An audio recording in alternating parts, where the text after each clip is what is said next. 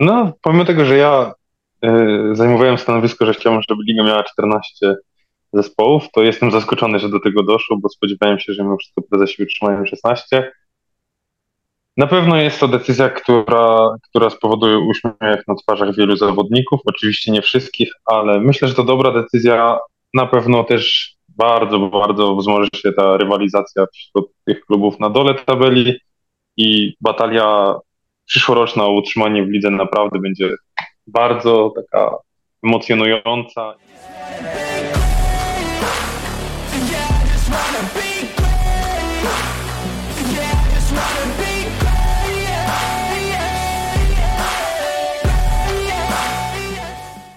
Dzień dobry Państwu, nazywam się Piotr Siekierski, a to jest e, kolejny podcast Volley Time. Moim dzisiejszym gościem jest przyjmujący grupy Azoty Zaksy Kędzierzyn-Koźle, Wojtek Żaliński. E, cześć Wojtek. Cześć Piotrek, witam Ciebie, witam wszystkich widzów.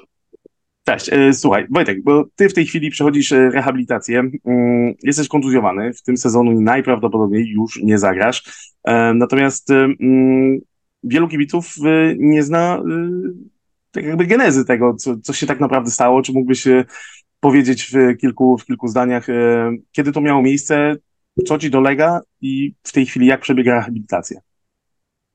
No jasne.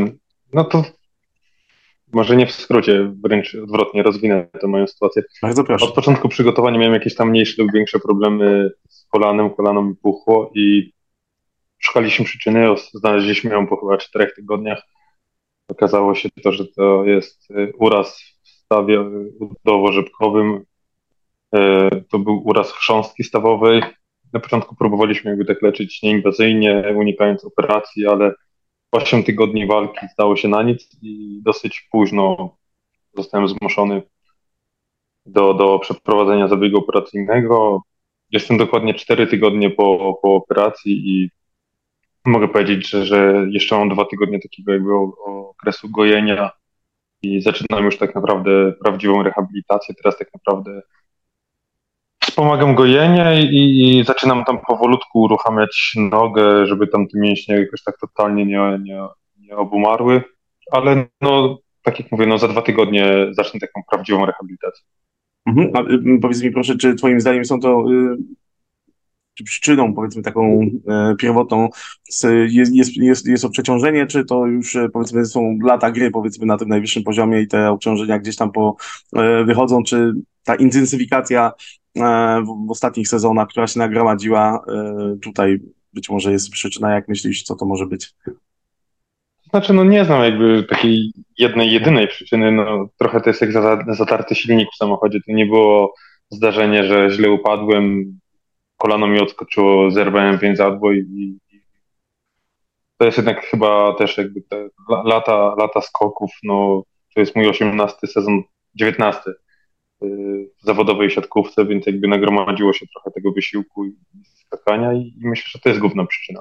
Mhm. A czy mógłbyś mm, powiedzieć, jak wygląda w tej chwili Twój dzień, jak wygląda rehabilitacja, ćwiczenia, jak, jak długo czasu spędzasz e, w ciągu dnia na, tą, e, na, na te ćwiczenia i rehabilitację? No właśnie na razie jakby tak nie jest. Nie, nie jest to taka intensywna rehabilitacja, o, o czym już wcześniej wspomniałem. No zazwyczaj po prostu wstaję rano, jadę do klubu i, i działamy tam z fizjoterapeutami, korzystam z, zaplecza medycznego mojego klubu grupy Azoty Zakski Koźle. Gabinet fizjoterapeutów jest wyposażony naprawdę na najwyższym poziomie i mamy wiele takich dobrodziejstw, które mi, mi pomagają w doprowadzeniu nogi do jak najlepszego stanu. Mhm. A powiedz mi, no też z uwagi na to, że no, wspomniałeś o tym, że jest to twój e, 19 sezon w mm, najwyższej klasie rozgrywkowej, mm, plus jeszcze lata juniora, kadeta, także to no, trochę się nie, nie. zbiera. 19, 19 w zawodowej siatkówce, a 18 w najwyższej. Okej. Okay. Okej, okay, w porządku, to przepraszam, już poprawiam. 19, 19 rok zawodowego grania. E, właśnie, czy też przez to, że jesteś niezwykle doświadczonym zawodnikiem, czy nie kołatała ci się taka myśl, żeby e, no, zakończyć karierę, bo mówmy się, że no, eliminujecie to w tym momencie z całego sezonu. Czy miałeś takie no, ponure myśli jednak mimo wszystko, czy raczej nie? To znaczy, ja, ja przepraszam, że przerwałem, bo tam mogłeś jeszcze coś chcieć dodać, a, a już się wychyliłem z odpowiedzią, ale powiem tak, więcej takich myśli miałem zanim się dowiedziałem, że jestem kontuzjowany, zanim tak naprawdę wyczuwałem jakieś no. problemy z kolanem, jak przedłużyłem kontrakt Zaksą, to sobie tak powolutku w głowie układałem, że może to będzie jednak ostatni sezon, bo jednak ciężko będzie z takiego klubu zejść jakby do, do, do słabszego, zejść do gry o inne, o inne cele i, i gdzieś tam z tyłu głowy się kołatała myśl, że to będzie ostatni sezon, ale w momencie jak doznałem kontuzji i może nawet nie samej kontuzji, bo po kontuzji to wierzyłem, że to lada chwila i wracam, ale w momencie, mhm. kiedy y, poddałem się operacji, kiedy tam poznałem ten mniej więcej plan na powrót, spojrzałem w kalendarz, zobaczyłem jak to wygląda, że mam być zdrowy na marzec, czyli tak naprawdę jeszcze w tym sezonie tli się jakaś nadzieja, że, że będę mógł uprawiać siatkówkę, no ale znam realia i wiem, że wkrótce w marcu to będzie najważniejszy moment sezonu dla Zaksy, więc trener na pewno nie będzie na mnie patrzył pod kątem o, cieszę się, że Wojtek wraca, tylko tak naprawdę będę kłopotem na swój sposób. Mam nadzieję, że wtedy będą wszyscy zawodnicy w drużynie zdrowi, bo to jest najważniejsze i w takim układzie ja na pewno będę zbędny. No, ale wracając do, do, do pytania i ta sytuacja mnie tak bardzo zmobilizowała, zmotywowała i jakby cały czas czuję tego mentalnego kopniaka, że chcę, może nie muszę, ale bardzo chcę wrócić po to, żeby rozegrać chociaż jeden jeszcze a może i dłużej tak naprawdę z tym kolanem. Nigdy nie miałem jakichś takich większych problemów. Znam zawodników, którzy jakby dłużej się, się muszą, e, e, jakby to powiedzieć, kolano jest dużo większym problemem niż dla mnie było przez te wszystkie lata. Tak naprawdę pierwszy jakiś uraz miałem rok temu z tym samym kolanem, ale trochę inny uraz. I tak jak mówię, no mam nadzieję, że teraz po, po tej operacji, jak się wyleczę, to będę w takim stanie, że będę jeszcze miał takie jakby zdrowie, a na pewno motywację mam, żeby co najmniej sezon jeszcze pograć, a może i dłużej, zobaczymy. Mm, pewnie, no te, tego na pewno Ci życzę.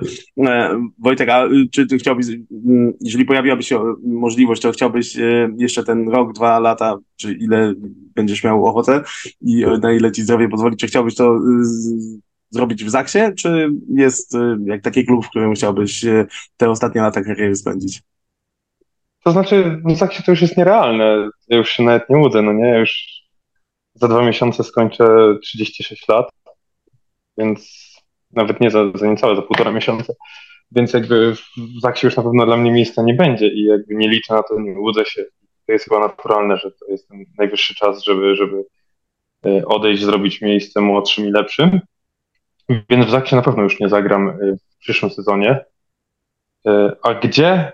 No mam tam jakieś myśli w głowie po rozmowach z menedżerem, mam jakieś takie wiem, destynacje, w których chciałbym się udać, ale na tym etapie to chyba nie ma sensu o tym mówić. No, ja na dzisiaj to modlę się, nie modlę się, modlę się w innych intencjach, ale y, martwię się, jeżeli tak mogę powiedzieć, i, i, pracuję nad tym, żeby moje kolano było zdrowe, a nie nad tym, gdzie przyjdzie mi zagrać. Jasne, ale gdyby pojawiła się y, oferta z Kędzierzyna, to na pewno byś chyba się nad nią mocno zastanowił. Nie, no zdecydowanie, no już w minionym roku było tak, że ja w zasadzie już byłem jedną nogą w domu. Wszyscy wiedzą, gdzie to jest i, i wystarczyło tylko klepnąć, a gdzieś tam na końcu się rozmyśliłem z tego względu, że, że Zaksa zmieniła jakby zdanie na temat jakby planu drużyny i, i wróciła do takiego mocniejszego zainteresowania moją osobą.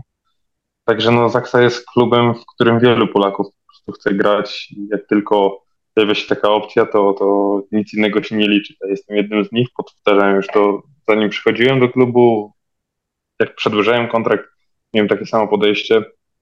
Ale tak jak wspomniałem w odpowiedzi na poprzednie pytanie, no nie łudzę się, bo już taka szansa więcej się raczej nie pojawi. Okej. Okay. Um, Wojtek, jak wygląda sytuacja w tej chwili e, z kontuzjami u Was w drużynie? Bo wiemy, że no, od początku sezonu borykacie się naprawdę z wieloma problemami. Wypadł e, chociażby e, Bartek Klut, Przemek Stępień, Marcin Janusz ma problemy z e, plecami, a nie ma też oczywiście ciebie, no ale jesteś głównym tematem naszej dzisiejszej rozmowy, także ciebie gdzieś tam troszeczkę pozwolić położę z boku. Natomiast no też Daniel Cidigoi, młody, młody Rumun, który też tak no, fantastycznie zaprezentował się w, podczas Super Pucharu Polski, też jest kontuzjowany. W awaryjnie sprowadzono do waszego zespołu Radka Gila i Kubę Szymańskiego. E, powiedz mi, jak to wygląda na ten e, moment, kiedy potencjalnie chłopaki, e, którzy są kontuzjowani, będą w stanie wspomóc tych zdrowych kolegów z Zaksy? To znaczy, na pewno nie, nie, nie chciałbym tutaj podawać jakichś szczegółów, oczywiście jakby w rozmowach między nami. Jasne. Zazwyczaj w pokoju fizjo, bo tam się najczęściej widzę teraz z Przemkiem Wstępnym czy z Marcinem Januszem. Jakieś tam terminy padają, ale to są nasze prywatne rozmowy i jeżeli klub o nich y, nie informuje, no to wiadomo, że ja tego też nie zrobię. Sytuacja wygląda dokładnie tak, jak wspomniałeś. Nie? Marcin i Przemek y, y, walczą z kontuzjami kręgosłupa. Bartek Klut z kontuzją kolana. Myślę, że on jest chyba najbliżej powrotu już nawet, tak jak, naj, jest jak najbardziej zaangażowany już w te treningi siatkarskie. My na razie jeszcze w trójkę nie wyszliśmy z pokoju fizjo, a on już tak naprawdę przemieszcza się pomiędzy pokojem okay. fizjo, siłownią i halą.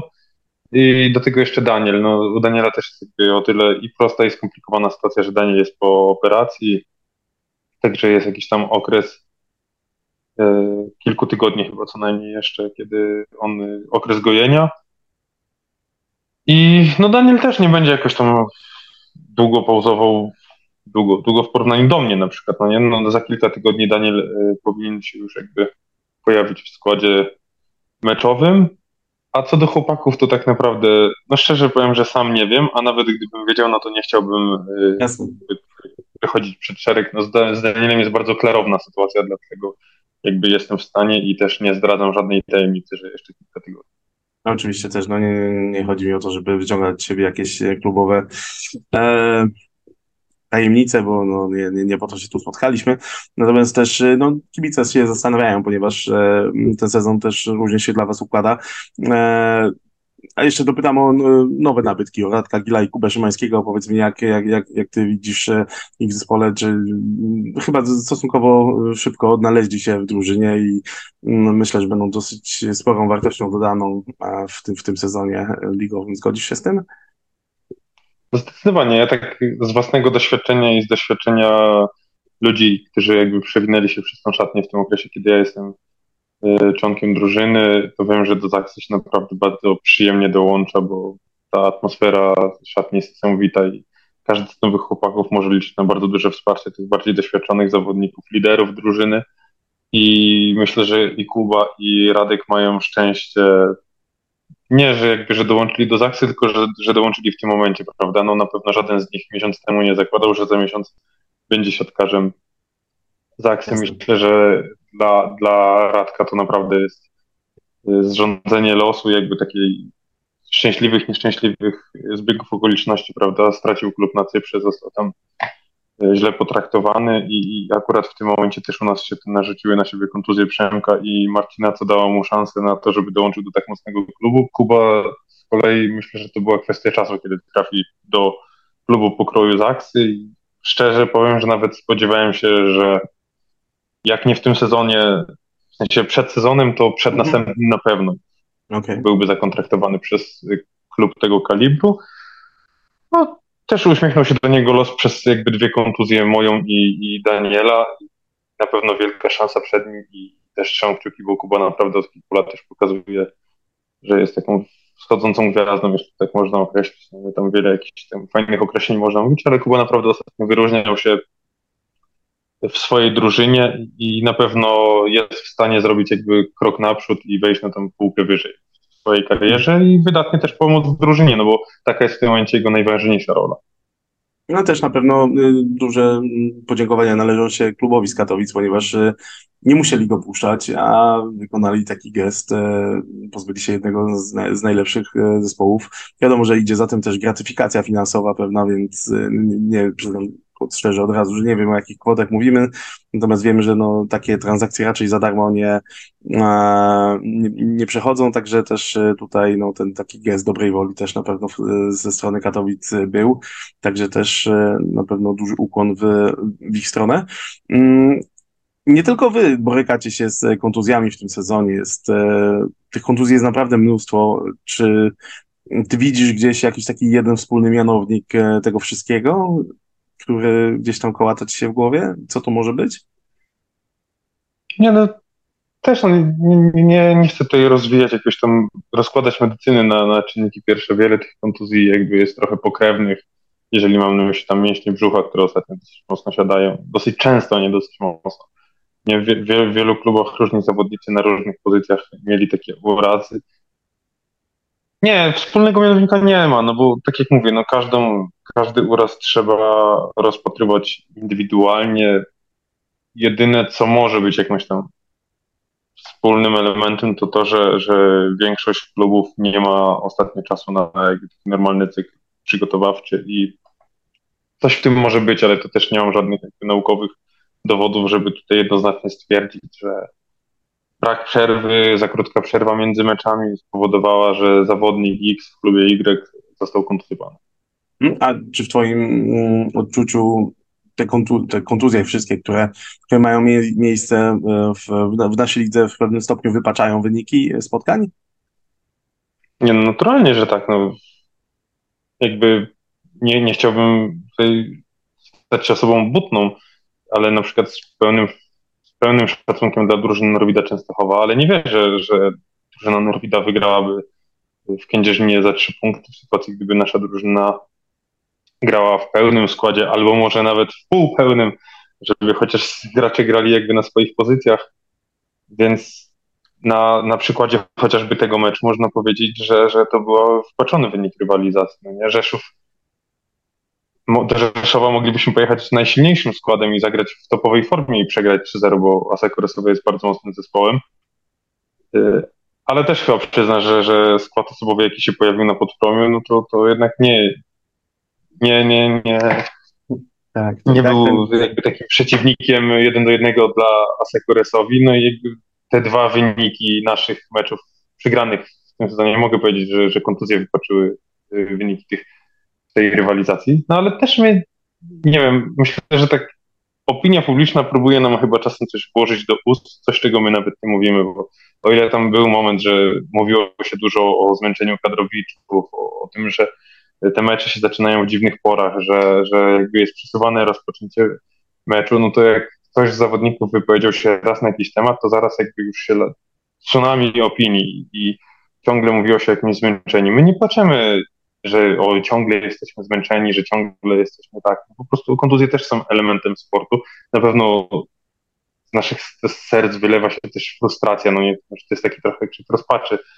no bo, bo u nas rzeczywiście, nie wiem, przypadkiem lub nie przypadkiem, nie jestem w stanie tego stwierdzić, tych kontuzji było bardzo dużo, bardzo dużo w jednym czasie, y, jakby to też było na dwóch pozycjach, no nie rozgrywający i przyjmujący wpadali, także no chociażby ze względu na to czuliśmy się poszkodowani nie przez kogoś, może przez los. Nie da się tego wszystkiego tak jakby logicznie wytłumaczyć, ale po prostu tak było i, i tak jak mówię, no może byliśmy trochę sfrustrowani i to było, to dało się jakby odczuć w naszych wypowiedziach, ale nasze wypowiedzi też nie stanowiły zawsze jakiejś takiej pretensji. Mhm. No tak, no, nie wiem, czy miałeś okazję słuchać, no pewnie doszło do ciebie e, komentarz e, komentatora Polsatu Maćka Jarosza podczas ostatniego waszego spotkania z Barkomem Karzany. Tam no, dosyć mocno przejechał się po, e, głównie chyba po Łukaszu Kaczmarku, e, zarzucając mu, że e, cytujący, no nie chce mu się grać w tym meczu. Tak, tak przynajmniej wygląda, że nie chce mu się grać. Mm, no właśnie, jak ty, jak, czy słyszałeś o tym i czy no, jakbyś się odniósł do tych słów pana Jarosza?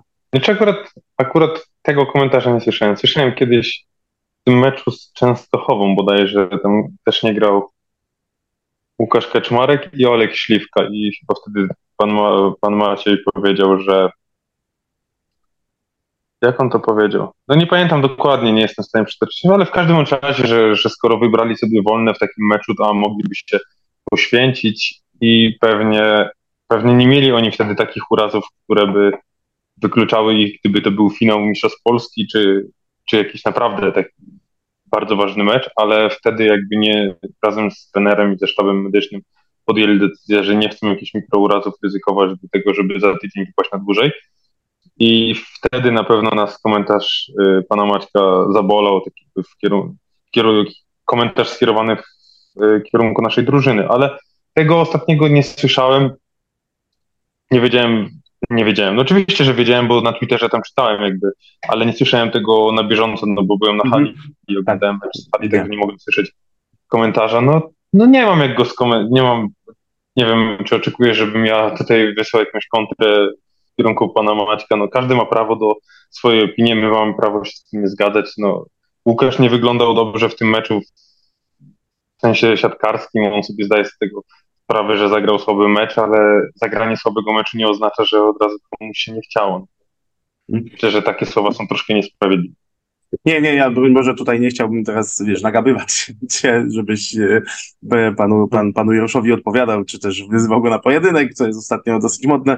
E, nie, nie, broń Boże. Natomiast no właśnie chciałem znać e, twoją opinię, czy, no nie wiem, w drużynie na pewno się o tym też mówi. Mm, przecież też macie dostęp do internetu, widzicie, co się dzieje i a, nie wiem, jeżeli o mnie chodzi, ja przyznam szczerze, byłem nie tyle zażenowany, to po prostu było mi smutno, że, że no, no, stami komentatora właśnie tak, w taki sposób wypowiada się na temat, e, mm, jakby nie patrzeć, najlepszego zawodnika globu według Volleybox e, w, w, tym, w tym sezonie i zarzucanie mu, że mu się nie chce, no to, to może też jest taki e, troszeczkę sygnał, ta dyspozycja, że no jest tego za dużo. I drużynie, jak macie jest taka sytuacja gdzieś, jak chociażby ten komentarz pana Macieja Jarosza, czy wy, wy to komentujecie, czy po prostu spuszczacie to po brzytwie i nie, nie, nie ma tematu, wy się skupiacie na czymś zupełnie innym? Nie, no nie mogę ci powiedzieć, że, że jakby nie dochodzą do nas, czy nie mówimy o tym, ale w zasadzie powiem ci, że najczęściej to mówimy sobie w kategorii jakby żartów. Ktoś coś powie, powiedział coś na Łukasza, no to dwóch mu powie i pośmiejemy się wszyscy razem. To nie jest tak, że my jakby każdy komentarz z internetu musimy przeanalizować, czy za mocno, czy za lekko. Jasne. Wiesz, no, Łukasz jakby od dłuższego czasu jest na świeczniku wśród opinii komentatorów, użytkowników Twittera i tak dalej, doskonale sobie z tym radzi, dalej jest podważany, a on dalej robi swoje. I myślisz, że gdyby każdy komentarz brał do siebie, to byłby na tyle silnym zawodnikiem, żeby dalej robić swoje i, i mieć z tyłu głowy? Często nie. Y, często nie. Bo tak nie jest po prostu. No nie? Często te komentarze gdzieś tam jednym uchem wpuszcza, drugim wypuszcza i ma na pewno swoje autorytety, których komentarze są dla niego dużo ważniejsze niż te anonimy z Twittera, czy, czy jakieś tam sygnały z telewizji. Każdy ma oczywiście prawo do, do swojej opinii, często te opinie są negatywne, no ale nie ze wszystkim się musisz zgadzać, no nie? Żyjesz według jakiegoś tam swojego Jasne. kanonu zasad opinii, masz osoby, których opinia dla ciebie jest najważniejsza i może jakby ktoś najbliższy ci powiedział jakby taką krzywdzącą dla ciebie opinię, to cię zaboli, a, a, a opinie obcych osób często bardziej motywują, śmieszą niż jakoś tak dotykają. Jak w Twojej opinii e, powinna wyglądać Plus Liga? Czy powinniśmy zmniejszyć tę ligę do przynajmniej 14 drużyn, żeby troszeczkę chociaż ją poluzować i dać e, bufor taki bezpieczeństwa, żeby te mecze móc e, potencjalnie przełożyć? Jakie jest zdanie Wojtka Żalińskiego w tym temacie? Ja bym zrobił ligę 14-zespołową. Jakby mam, jest masa argumentów w każdym kierunku. No nie w kierunku 12 zespołów, 14 i 16 nie wiem, na pewno czytałeś ostatnio Olek Śliwka, no taki duży, duży i bardzo obszerny i rozległy i doskonale jakby taki rozwinięty na temat przede wszystkim y, kształtu ligi i kalendarza. I myślę, że to jest taki bardzo racjonalny y, głos całej grupy zawodników. No nie, bo zawodnicy też jakby dzielą się na różne grupy i tak, tak wiesz, są kadrowicze, są młodzi, są starzy i tak dalej. I jakby też grupa, grupy zawodników mają zupełnie inne zdanie. Wiadomo, młodzi będą chcieli 16, starzy będą chcieli 16, a kadrowicze będą chcieli 12 albo 10, prawda? I wśród zawodników też ciężko jakby znaleźć taką totalną jedność. Ja myślę, że stanąłbym tak po środku i, i zrobił ligę 14-zespołową.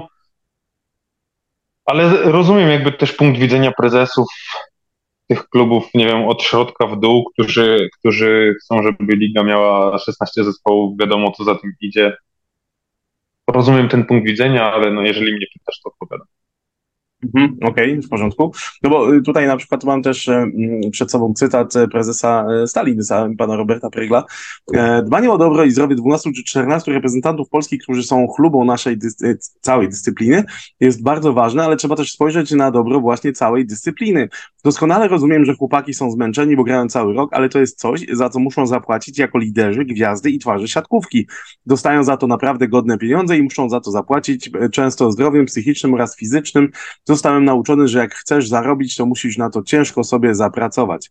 Ty znasz Roberta Prygla. I mm, czy, nie wiem, słuchając y, jego perspektywy, mm, co myślisz? No to oczywiście, że y, zawodnicy, którzy są na świetniku, którzy grają w reprezentacjach, będą grali więcej, ale no, y, czy przypadkiem już troszeczkę nie dobijamy do takiej ściany, gdzie za chwilę z tej naszej plus ligi zawodnicy będą po prostu uciekali, mam na myśli kadrowiczu, żeby po prostu chociaż te kilkanaście spotkań mniej w sezonie rozegrać mniej? No, znam Roberta i ostatnio nawet odbyłem z nim bardzo długą rozmowę na ten temat, o, w którym też się wypowiadał i przytoczyłeś mi ten cytat. Jakby też rozszerzył mi swój punkt widzenia jako prezesa klubu i y, jakby rozumiem, że nie patrzy też już na siatkówkę jako zawodnik. Nie, nie wiem, Piotr, co ci powiedzieć. Nigdy nie byłem w takiej sytuacji, w której grałem całe lato i przyjeżdżałem zmęczony mentalnie do klubu. Zazwyczaj na początku sezonu miałem taki głód siatkówki i nie, nie jestem w stanie się postawić jakby w roli tych chłopaków. Widzę takich na co dzień w szatni i, i widzę ludzi, których nie cieszy, nie cieszy wyjście na boisko i, i na swój sposób jest to smutne. Czy to będzie powód ucieczki zawodników? Jest masa innych powodów, dla których chłopaki mogą gdzieś zacząć wyjeżdżać, prawda? Kończy się jakby cykl olimpijski i, i jest wiele, jakby, tak jak już powiedziałem, powodów, jakichś impulsów w życiu, w karierze, dla którego możesz spróbować wyjazdu za granicę, możesz chcieć pożyć gdzieś indziej, możesz jakby pójść za większymi zarobkami, możesz chcieć spróbować czegoś, co od dziecka cię rajtowało, prawda? Więc na pewno nie jest tak, że jeżeli ktoś odejdzie z Plus Ligi, to tylko dlatego, że jest tutaj 16 zespołów. Ale na pewno tych topowych zawodników raczej zniechęca taka wizja, prawda? Jak wiem, że Kamil Semeniuk w Perudzi ma 12 y, zespołów w lidze i, i zdecydowanie taki bardziej regularny tryb funkcjonowania, prawda? Bardziej jest przewidywalny wiek, kiedy będzie mógł się zregenerować, potrenować i tak dalej. U nas tego nie ma. To jest chyba drugi, drugi sezon, kiedy tak naprawdę ta jesień szczególnie jest wyczerpująca. Bo na wiosnę już się to troszkę rozluźnia. No jak patrzyłem w tegoroczny terminarz, to też tak jakby po, po fazie grupowej Ligi Mistrzów, czyli tam od stycznia, lutego już robi się troszeczkę luźniej i wtedy tych środ będzie y, troszkę więcej wolny, no ale to też w zależności od tego, jak daleko kluby zachodzą w pucharach. No nie, ja miałem dwa razy tę niezwykłą przyjemność dotrzeć aż do finału i tak naprawdę z, oczywiście ze swoją drużyną, nie ja, jakby moja drużyna, której ja byłem członkiem, miała przyjemność dotrzeć do finału. No i przez to jakby ten intensywny okres przedłużał się niemalże do samego końca. Także no tak jak mówię, no nie ma jednego czynnika, dla którego ktoś chce lub nie chce grać w danym miejscu i na pewno te 16 zespołów w lidze też jest jednym z powodów za lub przeciw, ale nie, nie tak jakby jednym deciderem. No właśnie, bo tak wszyscy się, ja też z Oskarem Kaczmarczykiem rozmawiając, zaczęliśmy się zastanawiać nad plusami tej 16-drużynowej plus ligi, no i w zasadzie no, przemilczeliśmy plusy, bo nie dostrzegaliśmy żadnych, a mm, tutaj jeszcze jest e, ostatni wywiad z prezesem Popko, który mówi, że zwiększyliśmy ligę, mamy 16 drużyn, e, mm, kalendarz jest trudny, ale to przynosi wymierne korzyści, bo wygraliśmy przecież Ligę Narodów, Mistrzostwa Europy. Chyba nie, nie, nie tędy droga, bo wydaje mi się, że e, owszem, no, w momencie, kiedy byśmy z, to, tę ligę zmniejszyli, no to trzy ośrodki muszą, e, trzy kluby muszą spaść, ale to też e, mm, e, no, pytanie właśnie, czego, czego chcemy. Ja sam jestem ciekawy, jak to, jak to będzie wyglądało. E, Wojtek, czy Zaksa jest zakładnikiem z swoich sukcesów? I tak nie, no myślę, że każdy klub, który osiąga sukces na swój sposób jest zakładnikiem swojego sukcesu, bo, bo narzuca presję jakby na kolejny sezon, że nie wiem, trofeum może nie trzeba, nie, nie wypada, ale już chcesz tak jakby obronić, no nie? Jakby karuzela tych oczekiwań się nakręca i, pędzi coraz szybciej, prawda? Jak udało się, nie, nie, źle cofam to słowo, nie udało się. Jeżeli klub wygrał Ligę Mistrzów trzy razy z rzędu, a rekord jest bodajże cztery, cztery razy z rzędu, to oczywiście chciałoby się dołączyć do grona tych rekordzistów. Jasne. I patrząc z tej perspektywy, wiadomo, że, że, że jest to taka, tak jak ty wspomniałeś, że zakładnik swojego sukcesu. Jak na przykład spojrzę na chłopaków, jakby dwóch liderów tej drużyny od lat, Olek Śliwka i Łukasz Kaczmarek, ostatnio gdzieś to wyliczyliśmy, że odkąd przybili do klubu, to na 17 możliwych finałów zagrali w 16, a wygrali bodajże 11 albo 12. Nie chcę gafy strzelić, tak strzelę. No to też jakby chcą kontynuować, prawda, to, to pasmo chcą, żeby tych finałów było 20 i wygranych 14, prawda? Jasne, jasne. No, czy, czy twoim zdaniem Olek Śliwka jest najbardziej kompletnym siatkarzem w tej chwili na świecie? Tak, tak. Nie, mogę, nie mogę inaczej odpowiedzieć. Nie znam wszystkich e, siatkarzy na świecie, jakby nie, nie wszystkich jestem w stanie Jasne. obiektywnie ocenić. Olka też nie jestem w stanie obiektywnie ocenić, bo wiesz, no, jestem już trzeci rok w szatni, y, widzę go na co dzień i, i, nie wiem, od tego czasu mogę przyznać, że jest, stał się moim ulubionym zawodnikiem, tak z punktu widzenia tego kibicowskiego, prawda? Więc y, nie, to naturalne, że nie jestem obiektywny, no ale ja jak tak powiem, to nikt mnie nie uzna za wariata, prawda? On to po prostu pokazuje na boisku, to nie jest jakby tam wypowiedzenie słów, które nie mają pokrycia w rzeczywistości. Mm, jasne, okej, okay, dzięki. Wojtek, decyzją Władz Plus Ligi e, zmniejszamy ligę do 14 zespołów, czyli idziemy twoim, powiedzmy, takim wymarzonym e, w tej chwili systemem. E, chyba jesteś zadowolony, zawodnicy powinni też być zadowoleni z tego, że tego grania będzie troszeczkę mniej. No, pomimo tego, że ja e, zajmowałem stanowisko, że chciałem, żeby liga miała 14 zespołów, to jestem zaskoczony, że do tego doszło, bo spodziewałem się, że mimo wszystko prezesi utrzymają 16. Na pewno jest to decyzja, która, która spowoduje uśmiech na twarzach wielu zawodników, oczywiście nie wszystkich, ale myślę, że to dobra decyzja. Na pewno też bardzo, bardzo wzmoży się ta rywalizacja wśród tych klubów na dole tabeli i batalia przyszłoroczna o utrzymanie w lidze naprawdę będzie bardzo taka emocjonująca i mocna i podejrzewam, że kluby zrobią wszystko, żeby ligi. Dziękuję Ci bardzo. Wojtek, mamy kilka pytań od kibiców. Mm, pierwsze z nich brzmi, e, który okres e, mm, Twojej kariery uważasz za najlepszy?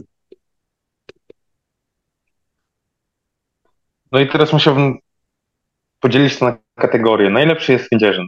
No nie, bo wiesz, to jednak są trofea, medale, e, niesamowite wspomnienia, wygrywane finały i to jest coś jakby, co, co mi wynagrodzi całe życie inaczej, co mi wynagrodzi podporządkowanie całego życia mhm. e, pod siatkówkę, ale gdzieś tam z tyłu głowy jest, że ja jednak byłem tłem, prawda? Nie byłem pierwszoplanową postacią przy, przy zdobywaniu tych trofeów. Wcale nie umniejsza to, przynajmniej dla mnie, ich wartości. A sportowo dla mnie najlepszy okres, tak już indywidualnie, no to myślę, że trzy lata w Radomiu, te ostatnie trzy lata, to był taki najfajniejszy okres. Może nie trzy lata, przepraszam, bo to był pięcioletni okres. W drugim roku był za trenera Lozano byłem powołany do kadry. Byłem, nie wiem, nie chciałbym, żeby to zabrzmiało jak nagłówek dla clickbaita, bliski kadry olimpijskiej, ale wtedy naprawdę byłem całkiem blisko, bo byłem członkiem reprezentacji na kwalifikacje na ten najtrudniejszy turniej. Spełnienie marzeń z dzieciństwa, debiut reprezentacji, solidna gra w lidze. Plus ten ostatni sezon w Radomiu, no to był taki moment, kiedy jakby miałem duży wpływ na zespół, grałem całkiem nieźle. Jakby.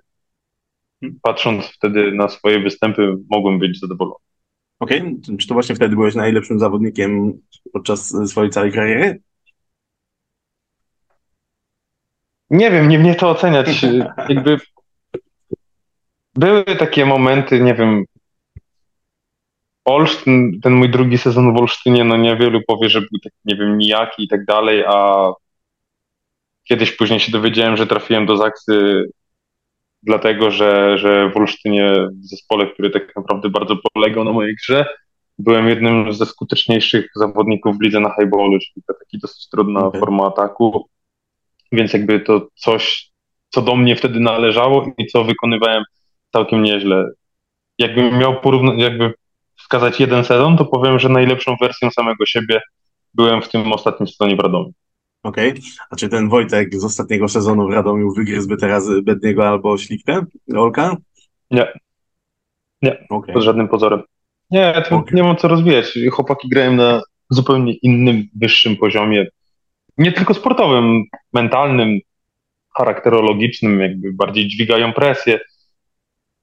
Też mogę to rozłożyć jakby na wiele takich detali, ale krótko ci powiem nie. Okej, okay. a ja pociągnę ten temat. E, czy w Twoim odczuciu to jest też kwestia tego, że mm, jesteś trochę starszy od nich, że to jednak ten mm, taki proces wchodzenia w taką dorosłą siatkówkę wyglądał zupełnie inaczej niż w przypadku właśnie Bedniego czy Olka? Coś w tym jest. Ja, ja jakby bardzo późno wszedłem na troszkę wyższy poziom, prawda? No nie miałem nie wiem, 28 lat. Chłopaki zrobili to wcześniej. Oni teraz mają po 28. Mhm. Bedni 29, a na tym najwyższym poziomie są od 5-6 lat, prawda? Także nie mogę powiedzieć, że te początkowe lata mojej przygody zmarnowałem, ale z perspektywy czasu mógłbym je jakby poprowadzić trochę bardziej efektywnie. Okej. Okay. A to zatrzymam się tu też na moment, ponieważ mam takie pytanie od y, kolejnego z kibiców. To było kolejne pytanie gdzieś w środku, ale no zadam je teraz, ponieważ tak się tematycznie to zgrywa. E, czy ty jesteś spełniony jako sportowiec? Nie, no nie wiem, czy znajdziesz sportowca na świecie, który, który powie, że jest spełniony. No może nie Michael Phelps, Michael, Phelps, Michael Jordan, prawda? Oczywiście rzucam takie głośne nazwiska, które jakby są synonimem wygrywania wszystkiego Jasne. i z każdym i bycia na topie, a nie, nie, nie powiem, że jestem spełnionym sportowcem i nie powiem, że jestem niespełnionym. Po prostu no myślę, że ciężko było mi, mi na przestrzeni tych x lat, które uprawiałem sport, wycisnąć jakoś niesamowicie więcej z siebie, ale też tak jak na przynajmniej już tam poprzedniej odpowiedzi wspomniałem, były okresy, kiedy, kiedy patrząc z dzisiejszej perspektywy mogły być dla mnie lepsze. Okej, okay, dzięki. E, Wojtek, w którym klubie, w którym grałeś, była najlepsza atmosfera? Hmm. Zaksa i ostatni rok w Radomiu. Okej. Okay. Ogólnie w Radomiu też była dobra atmosfera. Inaczej, ja, ja ciężko jest mi powiedzieć, czy ciężko jest mi wskazać klub, w którym było źle. No nie? Były, były jakby takie momenty, może w, w Gdańsku, jak byłem w drugim sezonie, rzeczywiście to była taka duża porażka i wtedy była nie najlepsza atmosfera jakby mhm. w drużynie i wokół drużyny. Nie mogę powiedzieć, że ona była zła, ale była nie najlepsza. Poza tym jakby przez te x lat, kiedy tam się pojawiałem, to, to wszędzie było naprawdę nieźle albo, bardzo, albo dobrze, a bardzo dobrze naprawdę tak niepowtarzalna i atmosfera, do której zawsze chciałoby się wracać, jest ta atmosfera tu w Szatni Kędzierzynie i atmosfera w Radomiu. To był rok, proszę, nie pamiętam, 18-19, 19-20. No wtedy taki skład tam z Wincić, Pajęk, Fornal, Huber, Żaliński, no. Pasowski, Ruciak, no fajne wspomnienia. Michał Filip, to były fajne wspomnienia. Okej, okay. okay. no właśnie, ty jesteś kolejną osobą, która gdzieś wspomina o tej mitycznej atmosferze y, Zaksy Kędzierzyn-Koźle. Z czego, z czego to wynika? Z czego wynika to nie tylko z, no okej, okay, wyniki buduje, y, wyniki budują atmosferę, to po pierwsze, a po drugie wyda, wydaje mi się, że też jesteście grupą osób, które twardo stąpają po ziemi i mimo tych sukcesów gdzieś tam nie odlatują, nie uchodzić, nie, nie unosicie w powietrzu, tylko, tylko dalej gdzieś tam jest ten taki a, głód e, tych sukcesów. E, czy to jest z tym związane, czy to jeszcze coś innego? Czy po prostu trzymacie się e, poza, poza halą również ze sobą? Czujesz może klucz? Jakbyś to mógł opisać? Nie, to znaczy pod względem jakbyś takich spotkań poza halą, to nie wybiega to inaczej niż w rzeczywistości w innych klubach, szatniach i tak dalej. My nie spędzamy ze sobą świąt, nie jeździmy na wakacje tu akurat ta atmosfera, myślę, że chodzi o taką jakby pokorę i podejście do pracy. Pomimo tego, to co ty wspomniałeś, już zawiera się to w pytaniu, prawda, że ogrom sukcesów, które osiągnęła ta, ta drużyna, ten klub w ostatnich latach wcale nie wpłynął na jakby uspokojenie się, cały czas czuć taki jakby głód sukcesów. A mhm. sama ta atmosfera, no nie wiem, nie jestem w stanie tego określić, ale mogę przytoczyć jeden cytat, no Kiedyś bym powiedział, że to była tajemnica, a teraz chyba jakiejś tam tajemnicy nie zdradzę. Rok temu zakończenie sezonu i Olek jako kapitan przemawiał, mówi, że no fajnie stać na scenie, kończyć sezon drużyny, która zdobyła Ligę Mistrzów, a większy wpływ na to wszystko miała moment w grudniu, kiedy przegraliśmy z Olsztynem, z Lublinem, z kimś jeszcze, nie pamiętam z kim, ale w grudniu w zeszłym roku na cztery mecze przegraliśmy trzy. I jak sobie wtedy z tamtym poradziliśmy, prawda? Tą atmosferę się nie buduje właśnie na bazie pozytywnych wyników, tylko na bazie tego, jak sobie radzisz w kłopotach. I drużyna, której jeszcze jestem członkiem, naprawdę doskonale sobie radzi. A z Radomiem chyba przegraliście wtedy. Z Radomiem przegraliśmy później. Y, nie, nie, nie, to nie ten sezon. Z Radomiem przegraliśmy w pierwszym sezonie po Pucharze Polski. A to był zeszłoroczny mecz taki nie pamiętam, no naprawdę okay, nie jest. No nie, jest nie, dobra, to nie jest, to nie jest faktycznie istotne. E, Okej, okay. E, Wojtek, przejdźmy, przejdźmy dalej. E, dzięki za odpowiedź. E, no i życzę takiej atmosferze, w takiej atmosfery w każdym razie każdemu z chłopaków, bo no, jeżeli mówisz, że to tak fantastycznie wygląda, no to fajnie byłoby, gdyby każdy mógł coś takiego przeżyć chociaż jeden sezon w, podczas kariery. E, Wojtek, mm, Jaki jest najśmieszniejszy mem o Zaksie, który widziałeś na Twitterze? Najśmieszniejszy mem. Kurde, nie wiem, nie mam jakiegoś ulubionego. No na pewno jakieś te, wiesz, z tymi powrotami, no nie, jak tam, wiesz, ile, no ja już nie jestem w stanie wszystkich przypomnieć, ale te Stany, z których ta drużyna wychodziła, nie? Super Puchar Polski, 13-19, 1-2, 0-2. Y, ćwierćfinał z Warszawą 1-2 i 14-20. Nie wiem, w zeszłym roku Liga Mistrzów Trento 0-1 i 15-10 w łeb. I tak naprawdę lada chwila i Trento jest w półfinale, a, a jakoś tak wróciliśmy. Puchar Polski, gdzie jest ma dwa, dwa w dwóch setach 20-16. I, I to jakby te memy związane z tymi powrotami, no nie, to były takie najfajniejsze. Ale nie mam jednego ulubionego, który nie wiem, okay. zawsze mam przed oczami. O to zapytasz. Dobra. E, Wojtek, który trener wywarł na tobie największe wrażenie? W całej mojej przygodzie ze sportem myślę, że niektórych zaskoczę, ale treneru, którego grałem najmniej w życiu, Gianni Klet. Okej. Okay. Jakby A... pewnie wielu się spodziewa, że, że powinienem marudzić i narzekać na trenera, którego, jak wspomniałem, najmniej w życiu grałem, ale to było niesamowite, że właśnie nie grając prawie w ogóle może się czuć y, potrzebny drużynie. Tak bardzo dbał o wszystkich ten kret. Jakby miałem do czynienia z wieloma dobrymi trenerami, ale tego darzę jakby takim największym, nie wiem, może nie, nie respektem. Uważam, że był najlepszy, ale też byli tacy, którzy, którym po prostu dużo zawdzięczam, nie? Robert Frygiel. Taka nieoczywista postać jakby w tym świecie mhm. trenerów, bo gość, który był, nie wiem, 5-6 lat trenerem i, i, zmienił jakby profesję i poszedł w garnitury, a nie był na pewno najlepszym trenerem, z którym pracowałem, ale nie oznacza, że był złym. Był takim, który miał na mnie duży wpływ, wiele mi pomógł, wiele mu zawdzięczam. Mhm. Okej. Okay. I, e, no i trzeci to będzie Raul Lozano, też jakby krótki miałem z nim epizod, ale to był znowu trener, który potrafił mi, umożliwił mi wiarę w siebie. O, ciekawe. E, Wojtek, a czy, czy jest jakaś decyzja sportowa, której ty żałujesz?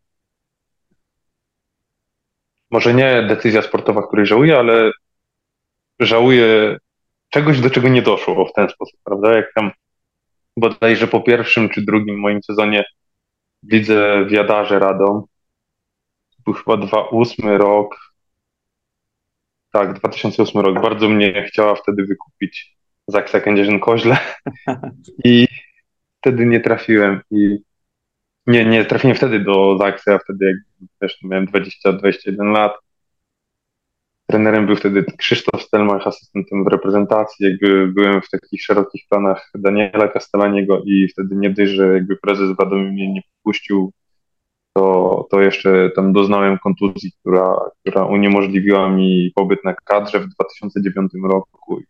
Też, to był moment, kiedy mogłem jakby się rozwinąć i mhm. szybciej wejść na jakiś taki wyższy level, o którym ci już wcześniej wspominałem. No nie, to na pewno jest ten czas, kiedy uważam, że, że moje losy mogły się potoczyć lepiej. Okej. Okay. Mm. Okej, okay. dzięki. No to smutne trochę w sumie. Inaczej, y, wiecie, i tak w tej kadrze i tak y, byłeś, prawda? Do Kędzierzyna w końcu trafiłeś, także, także może po prostu gdzieś tam... Tak, coś się odwlecze, to nie uciecze, coś, ale coś wiesz, no to chodzi... chodzi o to po prostu na jakim etapie tak, tak, tak. jakby kariery, w jakim wieku, czy będąc w tym jakby etapie progresywnym, tak, już tak, tak, tak, tak, zjeżdżasz, to jakby u mnie troszkę z timingiem się to wszystko rozminęło i, i przez całe życie gdzieś tam z tyłu głowy miałem myśl, czy nie byłbym lepszym zawodnikiem, gdybym wtedy nie trafił do Kędzierzyna. Mm. I nigdy się no, już na to nie, nie dowiem. No tak, no na to pytanie już raczej nie poznamy odpowiedzi. E, Wojtek, ale może poznamy odpowiedź na to pytanie. Ile par kalesonów było potrzebne, by funkcjonować w starej Uranii? Ani jedna. Ja akurat y, nie jestem fanem tego underwearu i y, rzadko korzystałem. No w Uranii naprawdę było specyficznie najniższa temperatura, kurde, nie, nie chcę strzelić, albo 11, albo 7 stopni. Mecz ligowy na pewno z GKS-em Katowice bo pamiętam, że, że kierownik z Katowic się y, w trakcie rozrzewki śmiał się do nas i chcecie grać czy nie, bo, bo my decydujemy, prawda, bo to zawsze goście mieli ten decydujący głos, tak, tak. zgłaszać to komisarzowi. Wiadomo, że nigdy nie doszło do takiej sytuacji, żeby ktoś, y, ktoś y, odwołał mecz, ale tak. wielu na pewno miało takie możliwości. No ale ja tylko dwa lata grałem w Olsztynie, to chyba były też dwa ostatnie lata Urani, prawda? No nie, no było coś niesamowitego, ten zapach i, i ta temperatura hali jest nie do powtórzenia. Kurczę, no a teraz w sumie y, Olsztyn ostatni mecz zagrał w Iławie, także teraz będą mieli nową Uranię i y, ciekawe, czy też będą jakieś legendy chodziły z y, tą nową halą. No, na pewno przekonamy za kilka lat. E, Okej, okay. um, Wojtek, co trzeba zrobić, by mieć tak dobrze wyglądające łydki? Nic. Nic, po prostu trzeba się urodzić e, z nazwiskiem Żaliński, prawda? Ja nie wiem, to nie jest efekt jakiegoś tam specjalnego treningu, ja po prostu taki jestem naturalnie i takie je mam. Okej, okay, takie masz. Dawaj Franka, to zobaczymy, czy on też takie ma. No mam nie nadzieję, że nie, bo nie, nie będzie miał takich problemów z zakupem spodni. Okej. Okay. E, Wojtek, mam teraz pytanie od y, człowieka, którego z którym prawdopodobnie darzycie się sympatią od e, Kuby Bednaruka. Um, który z zawodników e, najbardziej rokował, a nie wyszło, e, nie wyszła mu kariera o, w ten sposób? Który z zawodników, no pewnie Kuba pytał o to, z którym ja grałem. Poczekaj. Napiję się i... Kurde, muszę głęboko sięgnąć pamięcią. Dobra.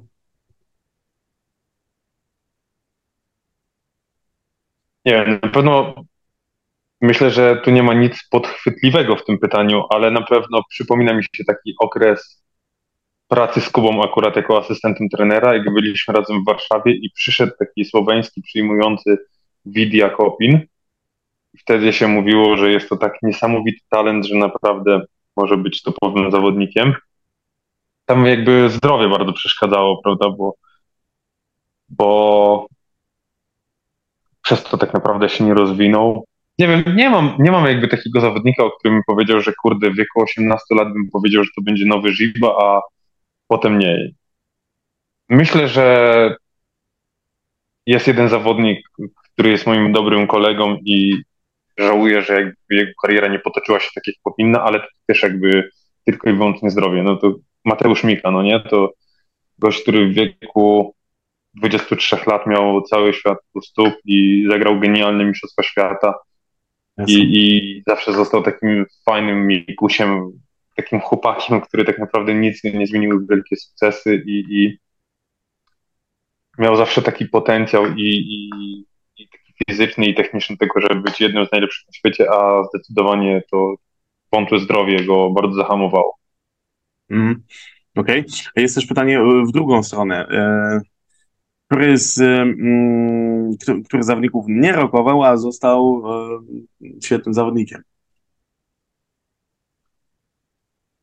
Nie wiem. Widziałem kiedyś Olka Śliwkę młodego. Nawet chociażby w tym momencie, kiedy ja tam byłem u Stefana na kadrze w 2016. Olek miał wtedy 21 lat. Ja wiem, że to był jakby taki kiepski sezon dla niego, był w Rzeszowie. Mhm nie wiem, czwartym, piątym przyjmującym i jakby na pewno nie spełniał się, ale nie znając go, nie wiedziałem go, że on, nie, nie znając go, nie wiedziałem, że on ma aż tak y, wielki potencjał jakby wtedy patrząc na Olka, nie wierzyłem, że to może być gracz tego formatu, jakiego jest teraz, bo, jakby już siatkówka szła w takim kierunku, że trzeba mieć 2-5 na skrzydle i atakować na 3,70. Olek nie ma 2,5 i nie atakuje na 3,70, a, a jest jakby genialnym siatkarzem. Jego IQ sportowe to jest chyba najwyższe wśród w ogóle wszystkich siatkarzy i, i pokazał, że tak naprawdę no, nie trzeba spełniać tych warunków fizycznych, żeby być genialnym zawodnikiem. Nie wiem, może kogoś pominąłem, nie wiem, przychodzi mi po prostu na myśl Olek, dlatego że zawsze od początku jakby jak wszedł do ligi, to był dobrym zawodnikiem, wyróżniał się w lidze, ale nie spodziewałem się po prostu, że z tymi warunkami fizycznymi można być takim topem na świecie. Okej, okay, dzięki.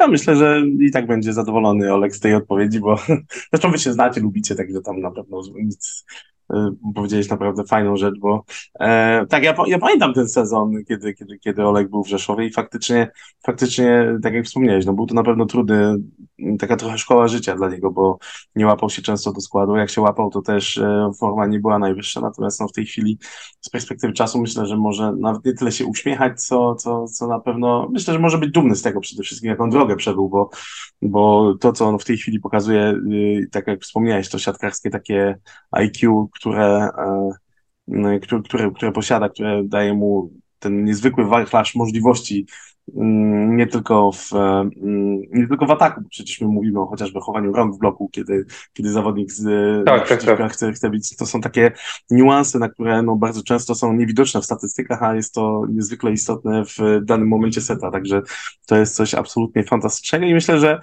e, naturalnie Został wybrany też y, następcą Bartka Kurka jako kapitan reprezentacji i tutaj też myślę, że nikt nie będzie podważał tego wyboru. E, Wojtek, jest jeszcze jedno pytanie od Kuby Bednaruka, e, mianowicie jak problemy rozwiązywała stara szatnia radomska?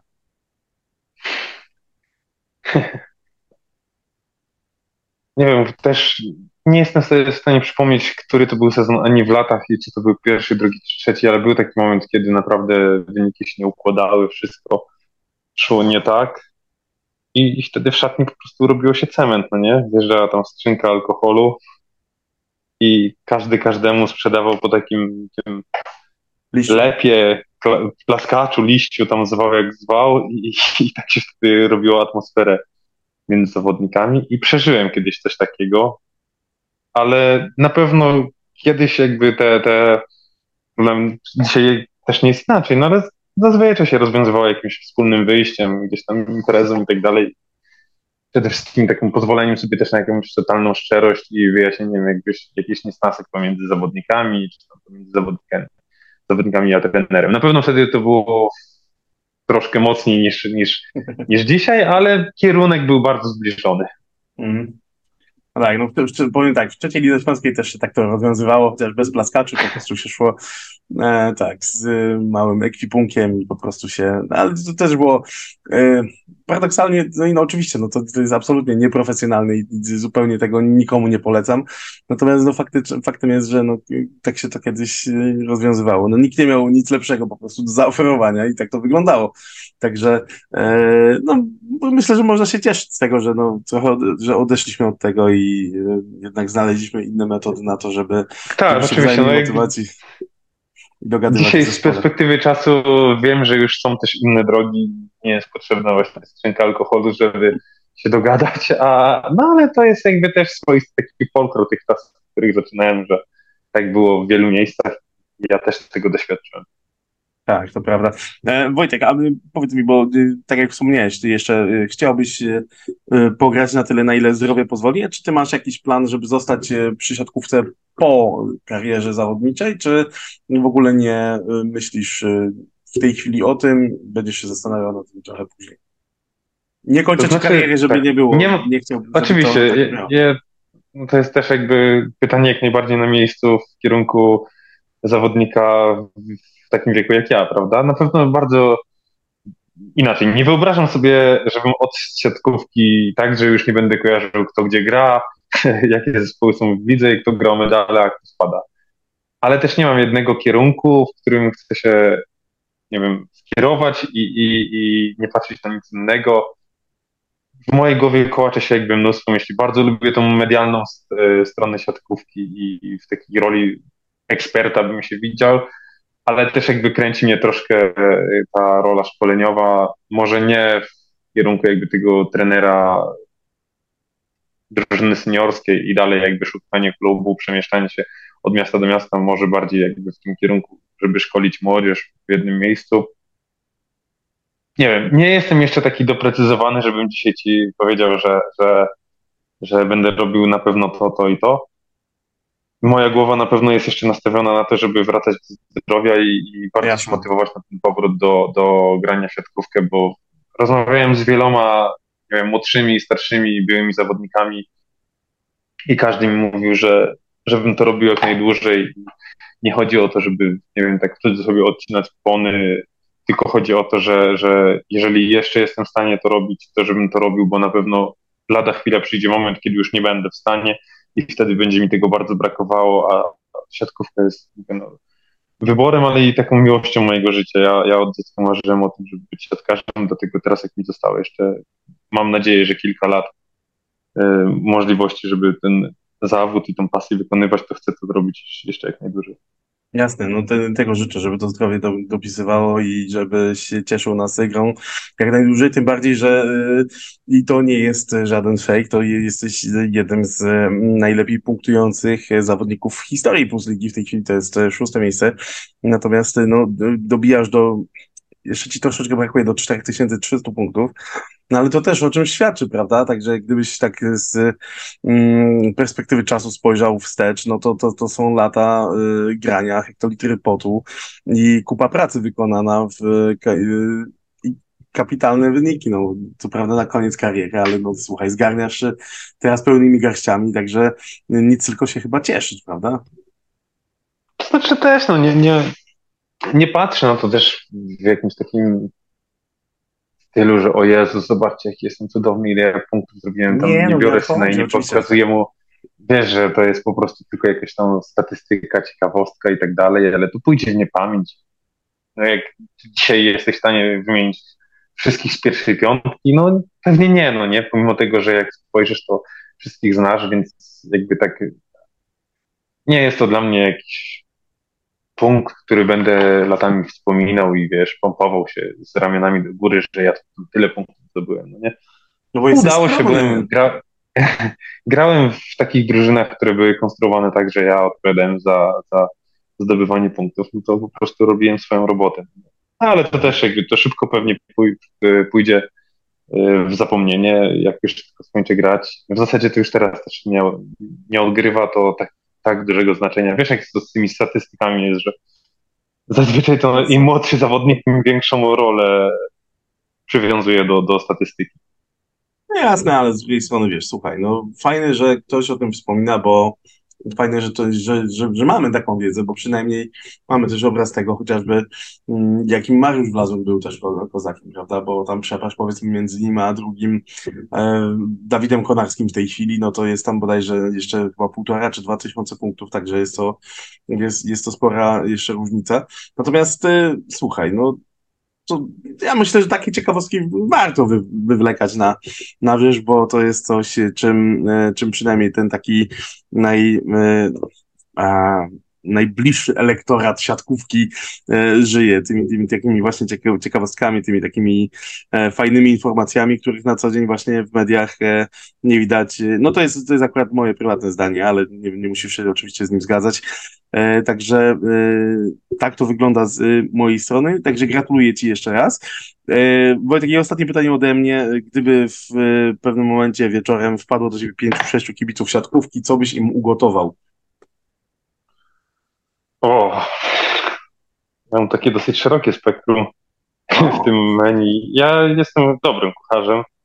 To akurat może trochę nieskromnie powiem, ale i zaskoczę cię. Robię dobre zupy i myślę, że bym przygotowałbym jakąś zupę. Dzisiaj, wczoraj dzisiaj gotowałem zupę ogórkową, robię niezły barszcz czerwony, rosół.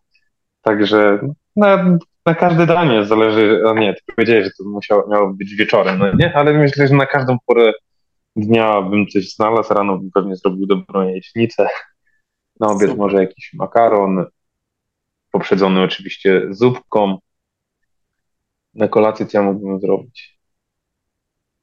Nie wiem, nie mam, jak, nie, nie mam jakby jednego popisowego dania, ale Okej. dużo jestem w stanie w kuchni zrobić. No, super. No to dzięki wielkie za odpowiedź, bo większość chłopaków tutaj mi wyjeżdża z jakimiś termomixami, albo tym, że oni to catering dietetyczny, pudełka mają. No ja cię kręcę. Jak To znaczy ja też, ja też przy użyciu Thermomixa, no tutaj muszę się przyznać, ale Thermomix też mnie jakby tak zmotywował do tego poszerzania swojej może nie Tak? wiedzy, umiejętności kucharskich. Okej. No też zależy jaka pora roku, bo w lato pewnie bym przygotował grilla. No, tak, zdecydowanie to jest, jest, jestem fanem tego pomysłu.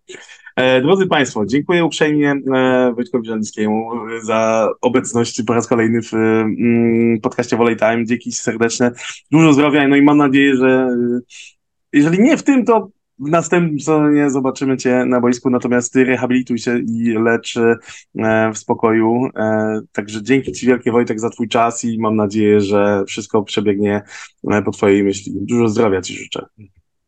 Dziękuję bardzo, ja odwdzięczam się tak samo życzeniami tylko zdrowia, bo sam wiem, że zdrowie jest to wszystko się układa. Tak, wszystkiego dobrego i do zobaczenia na siatkarskim szlaku. Do widzenia, pozdrawiam. Pozdrawiam.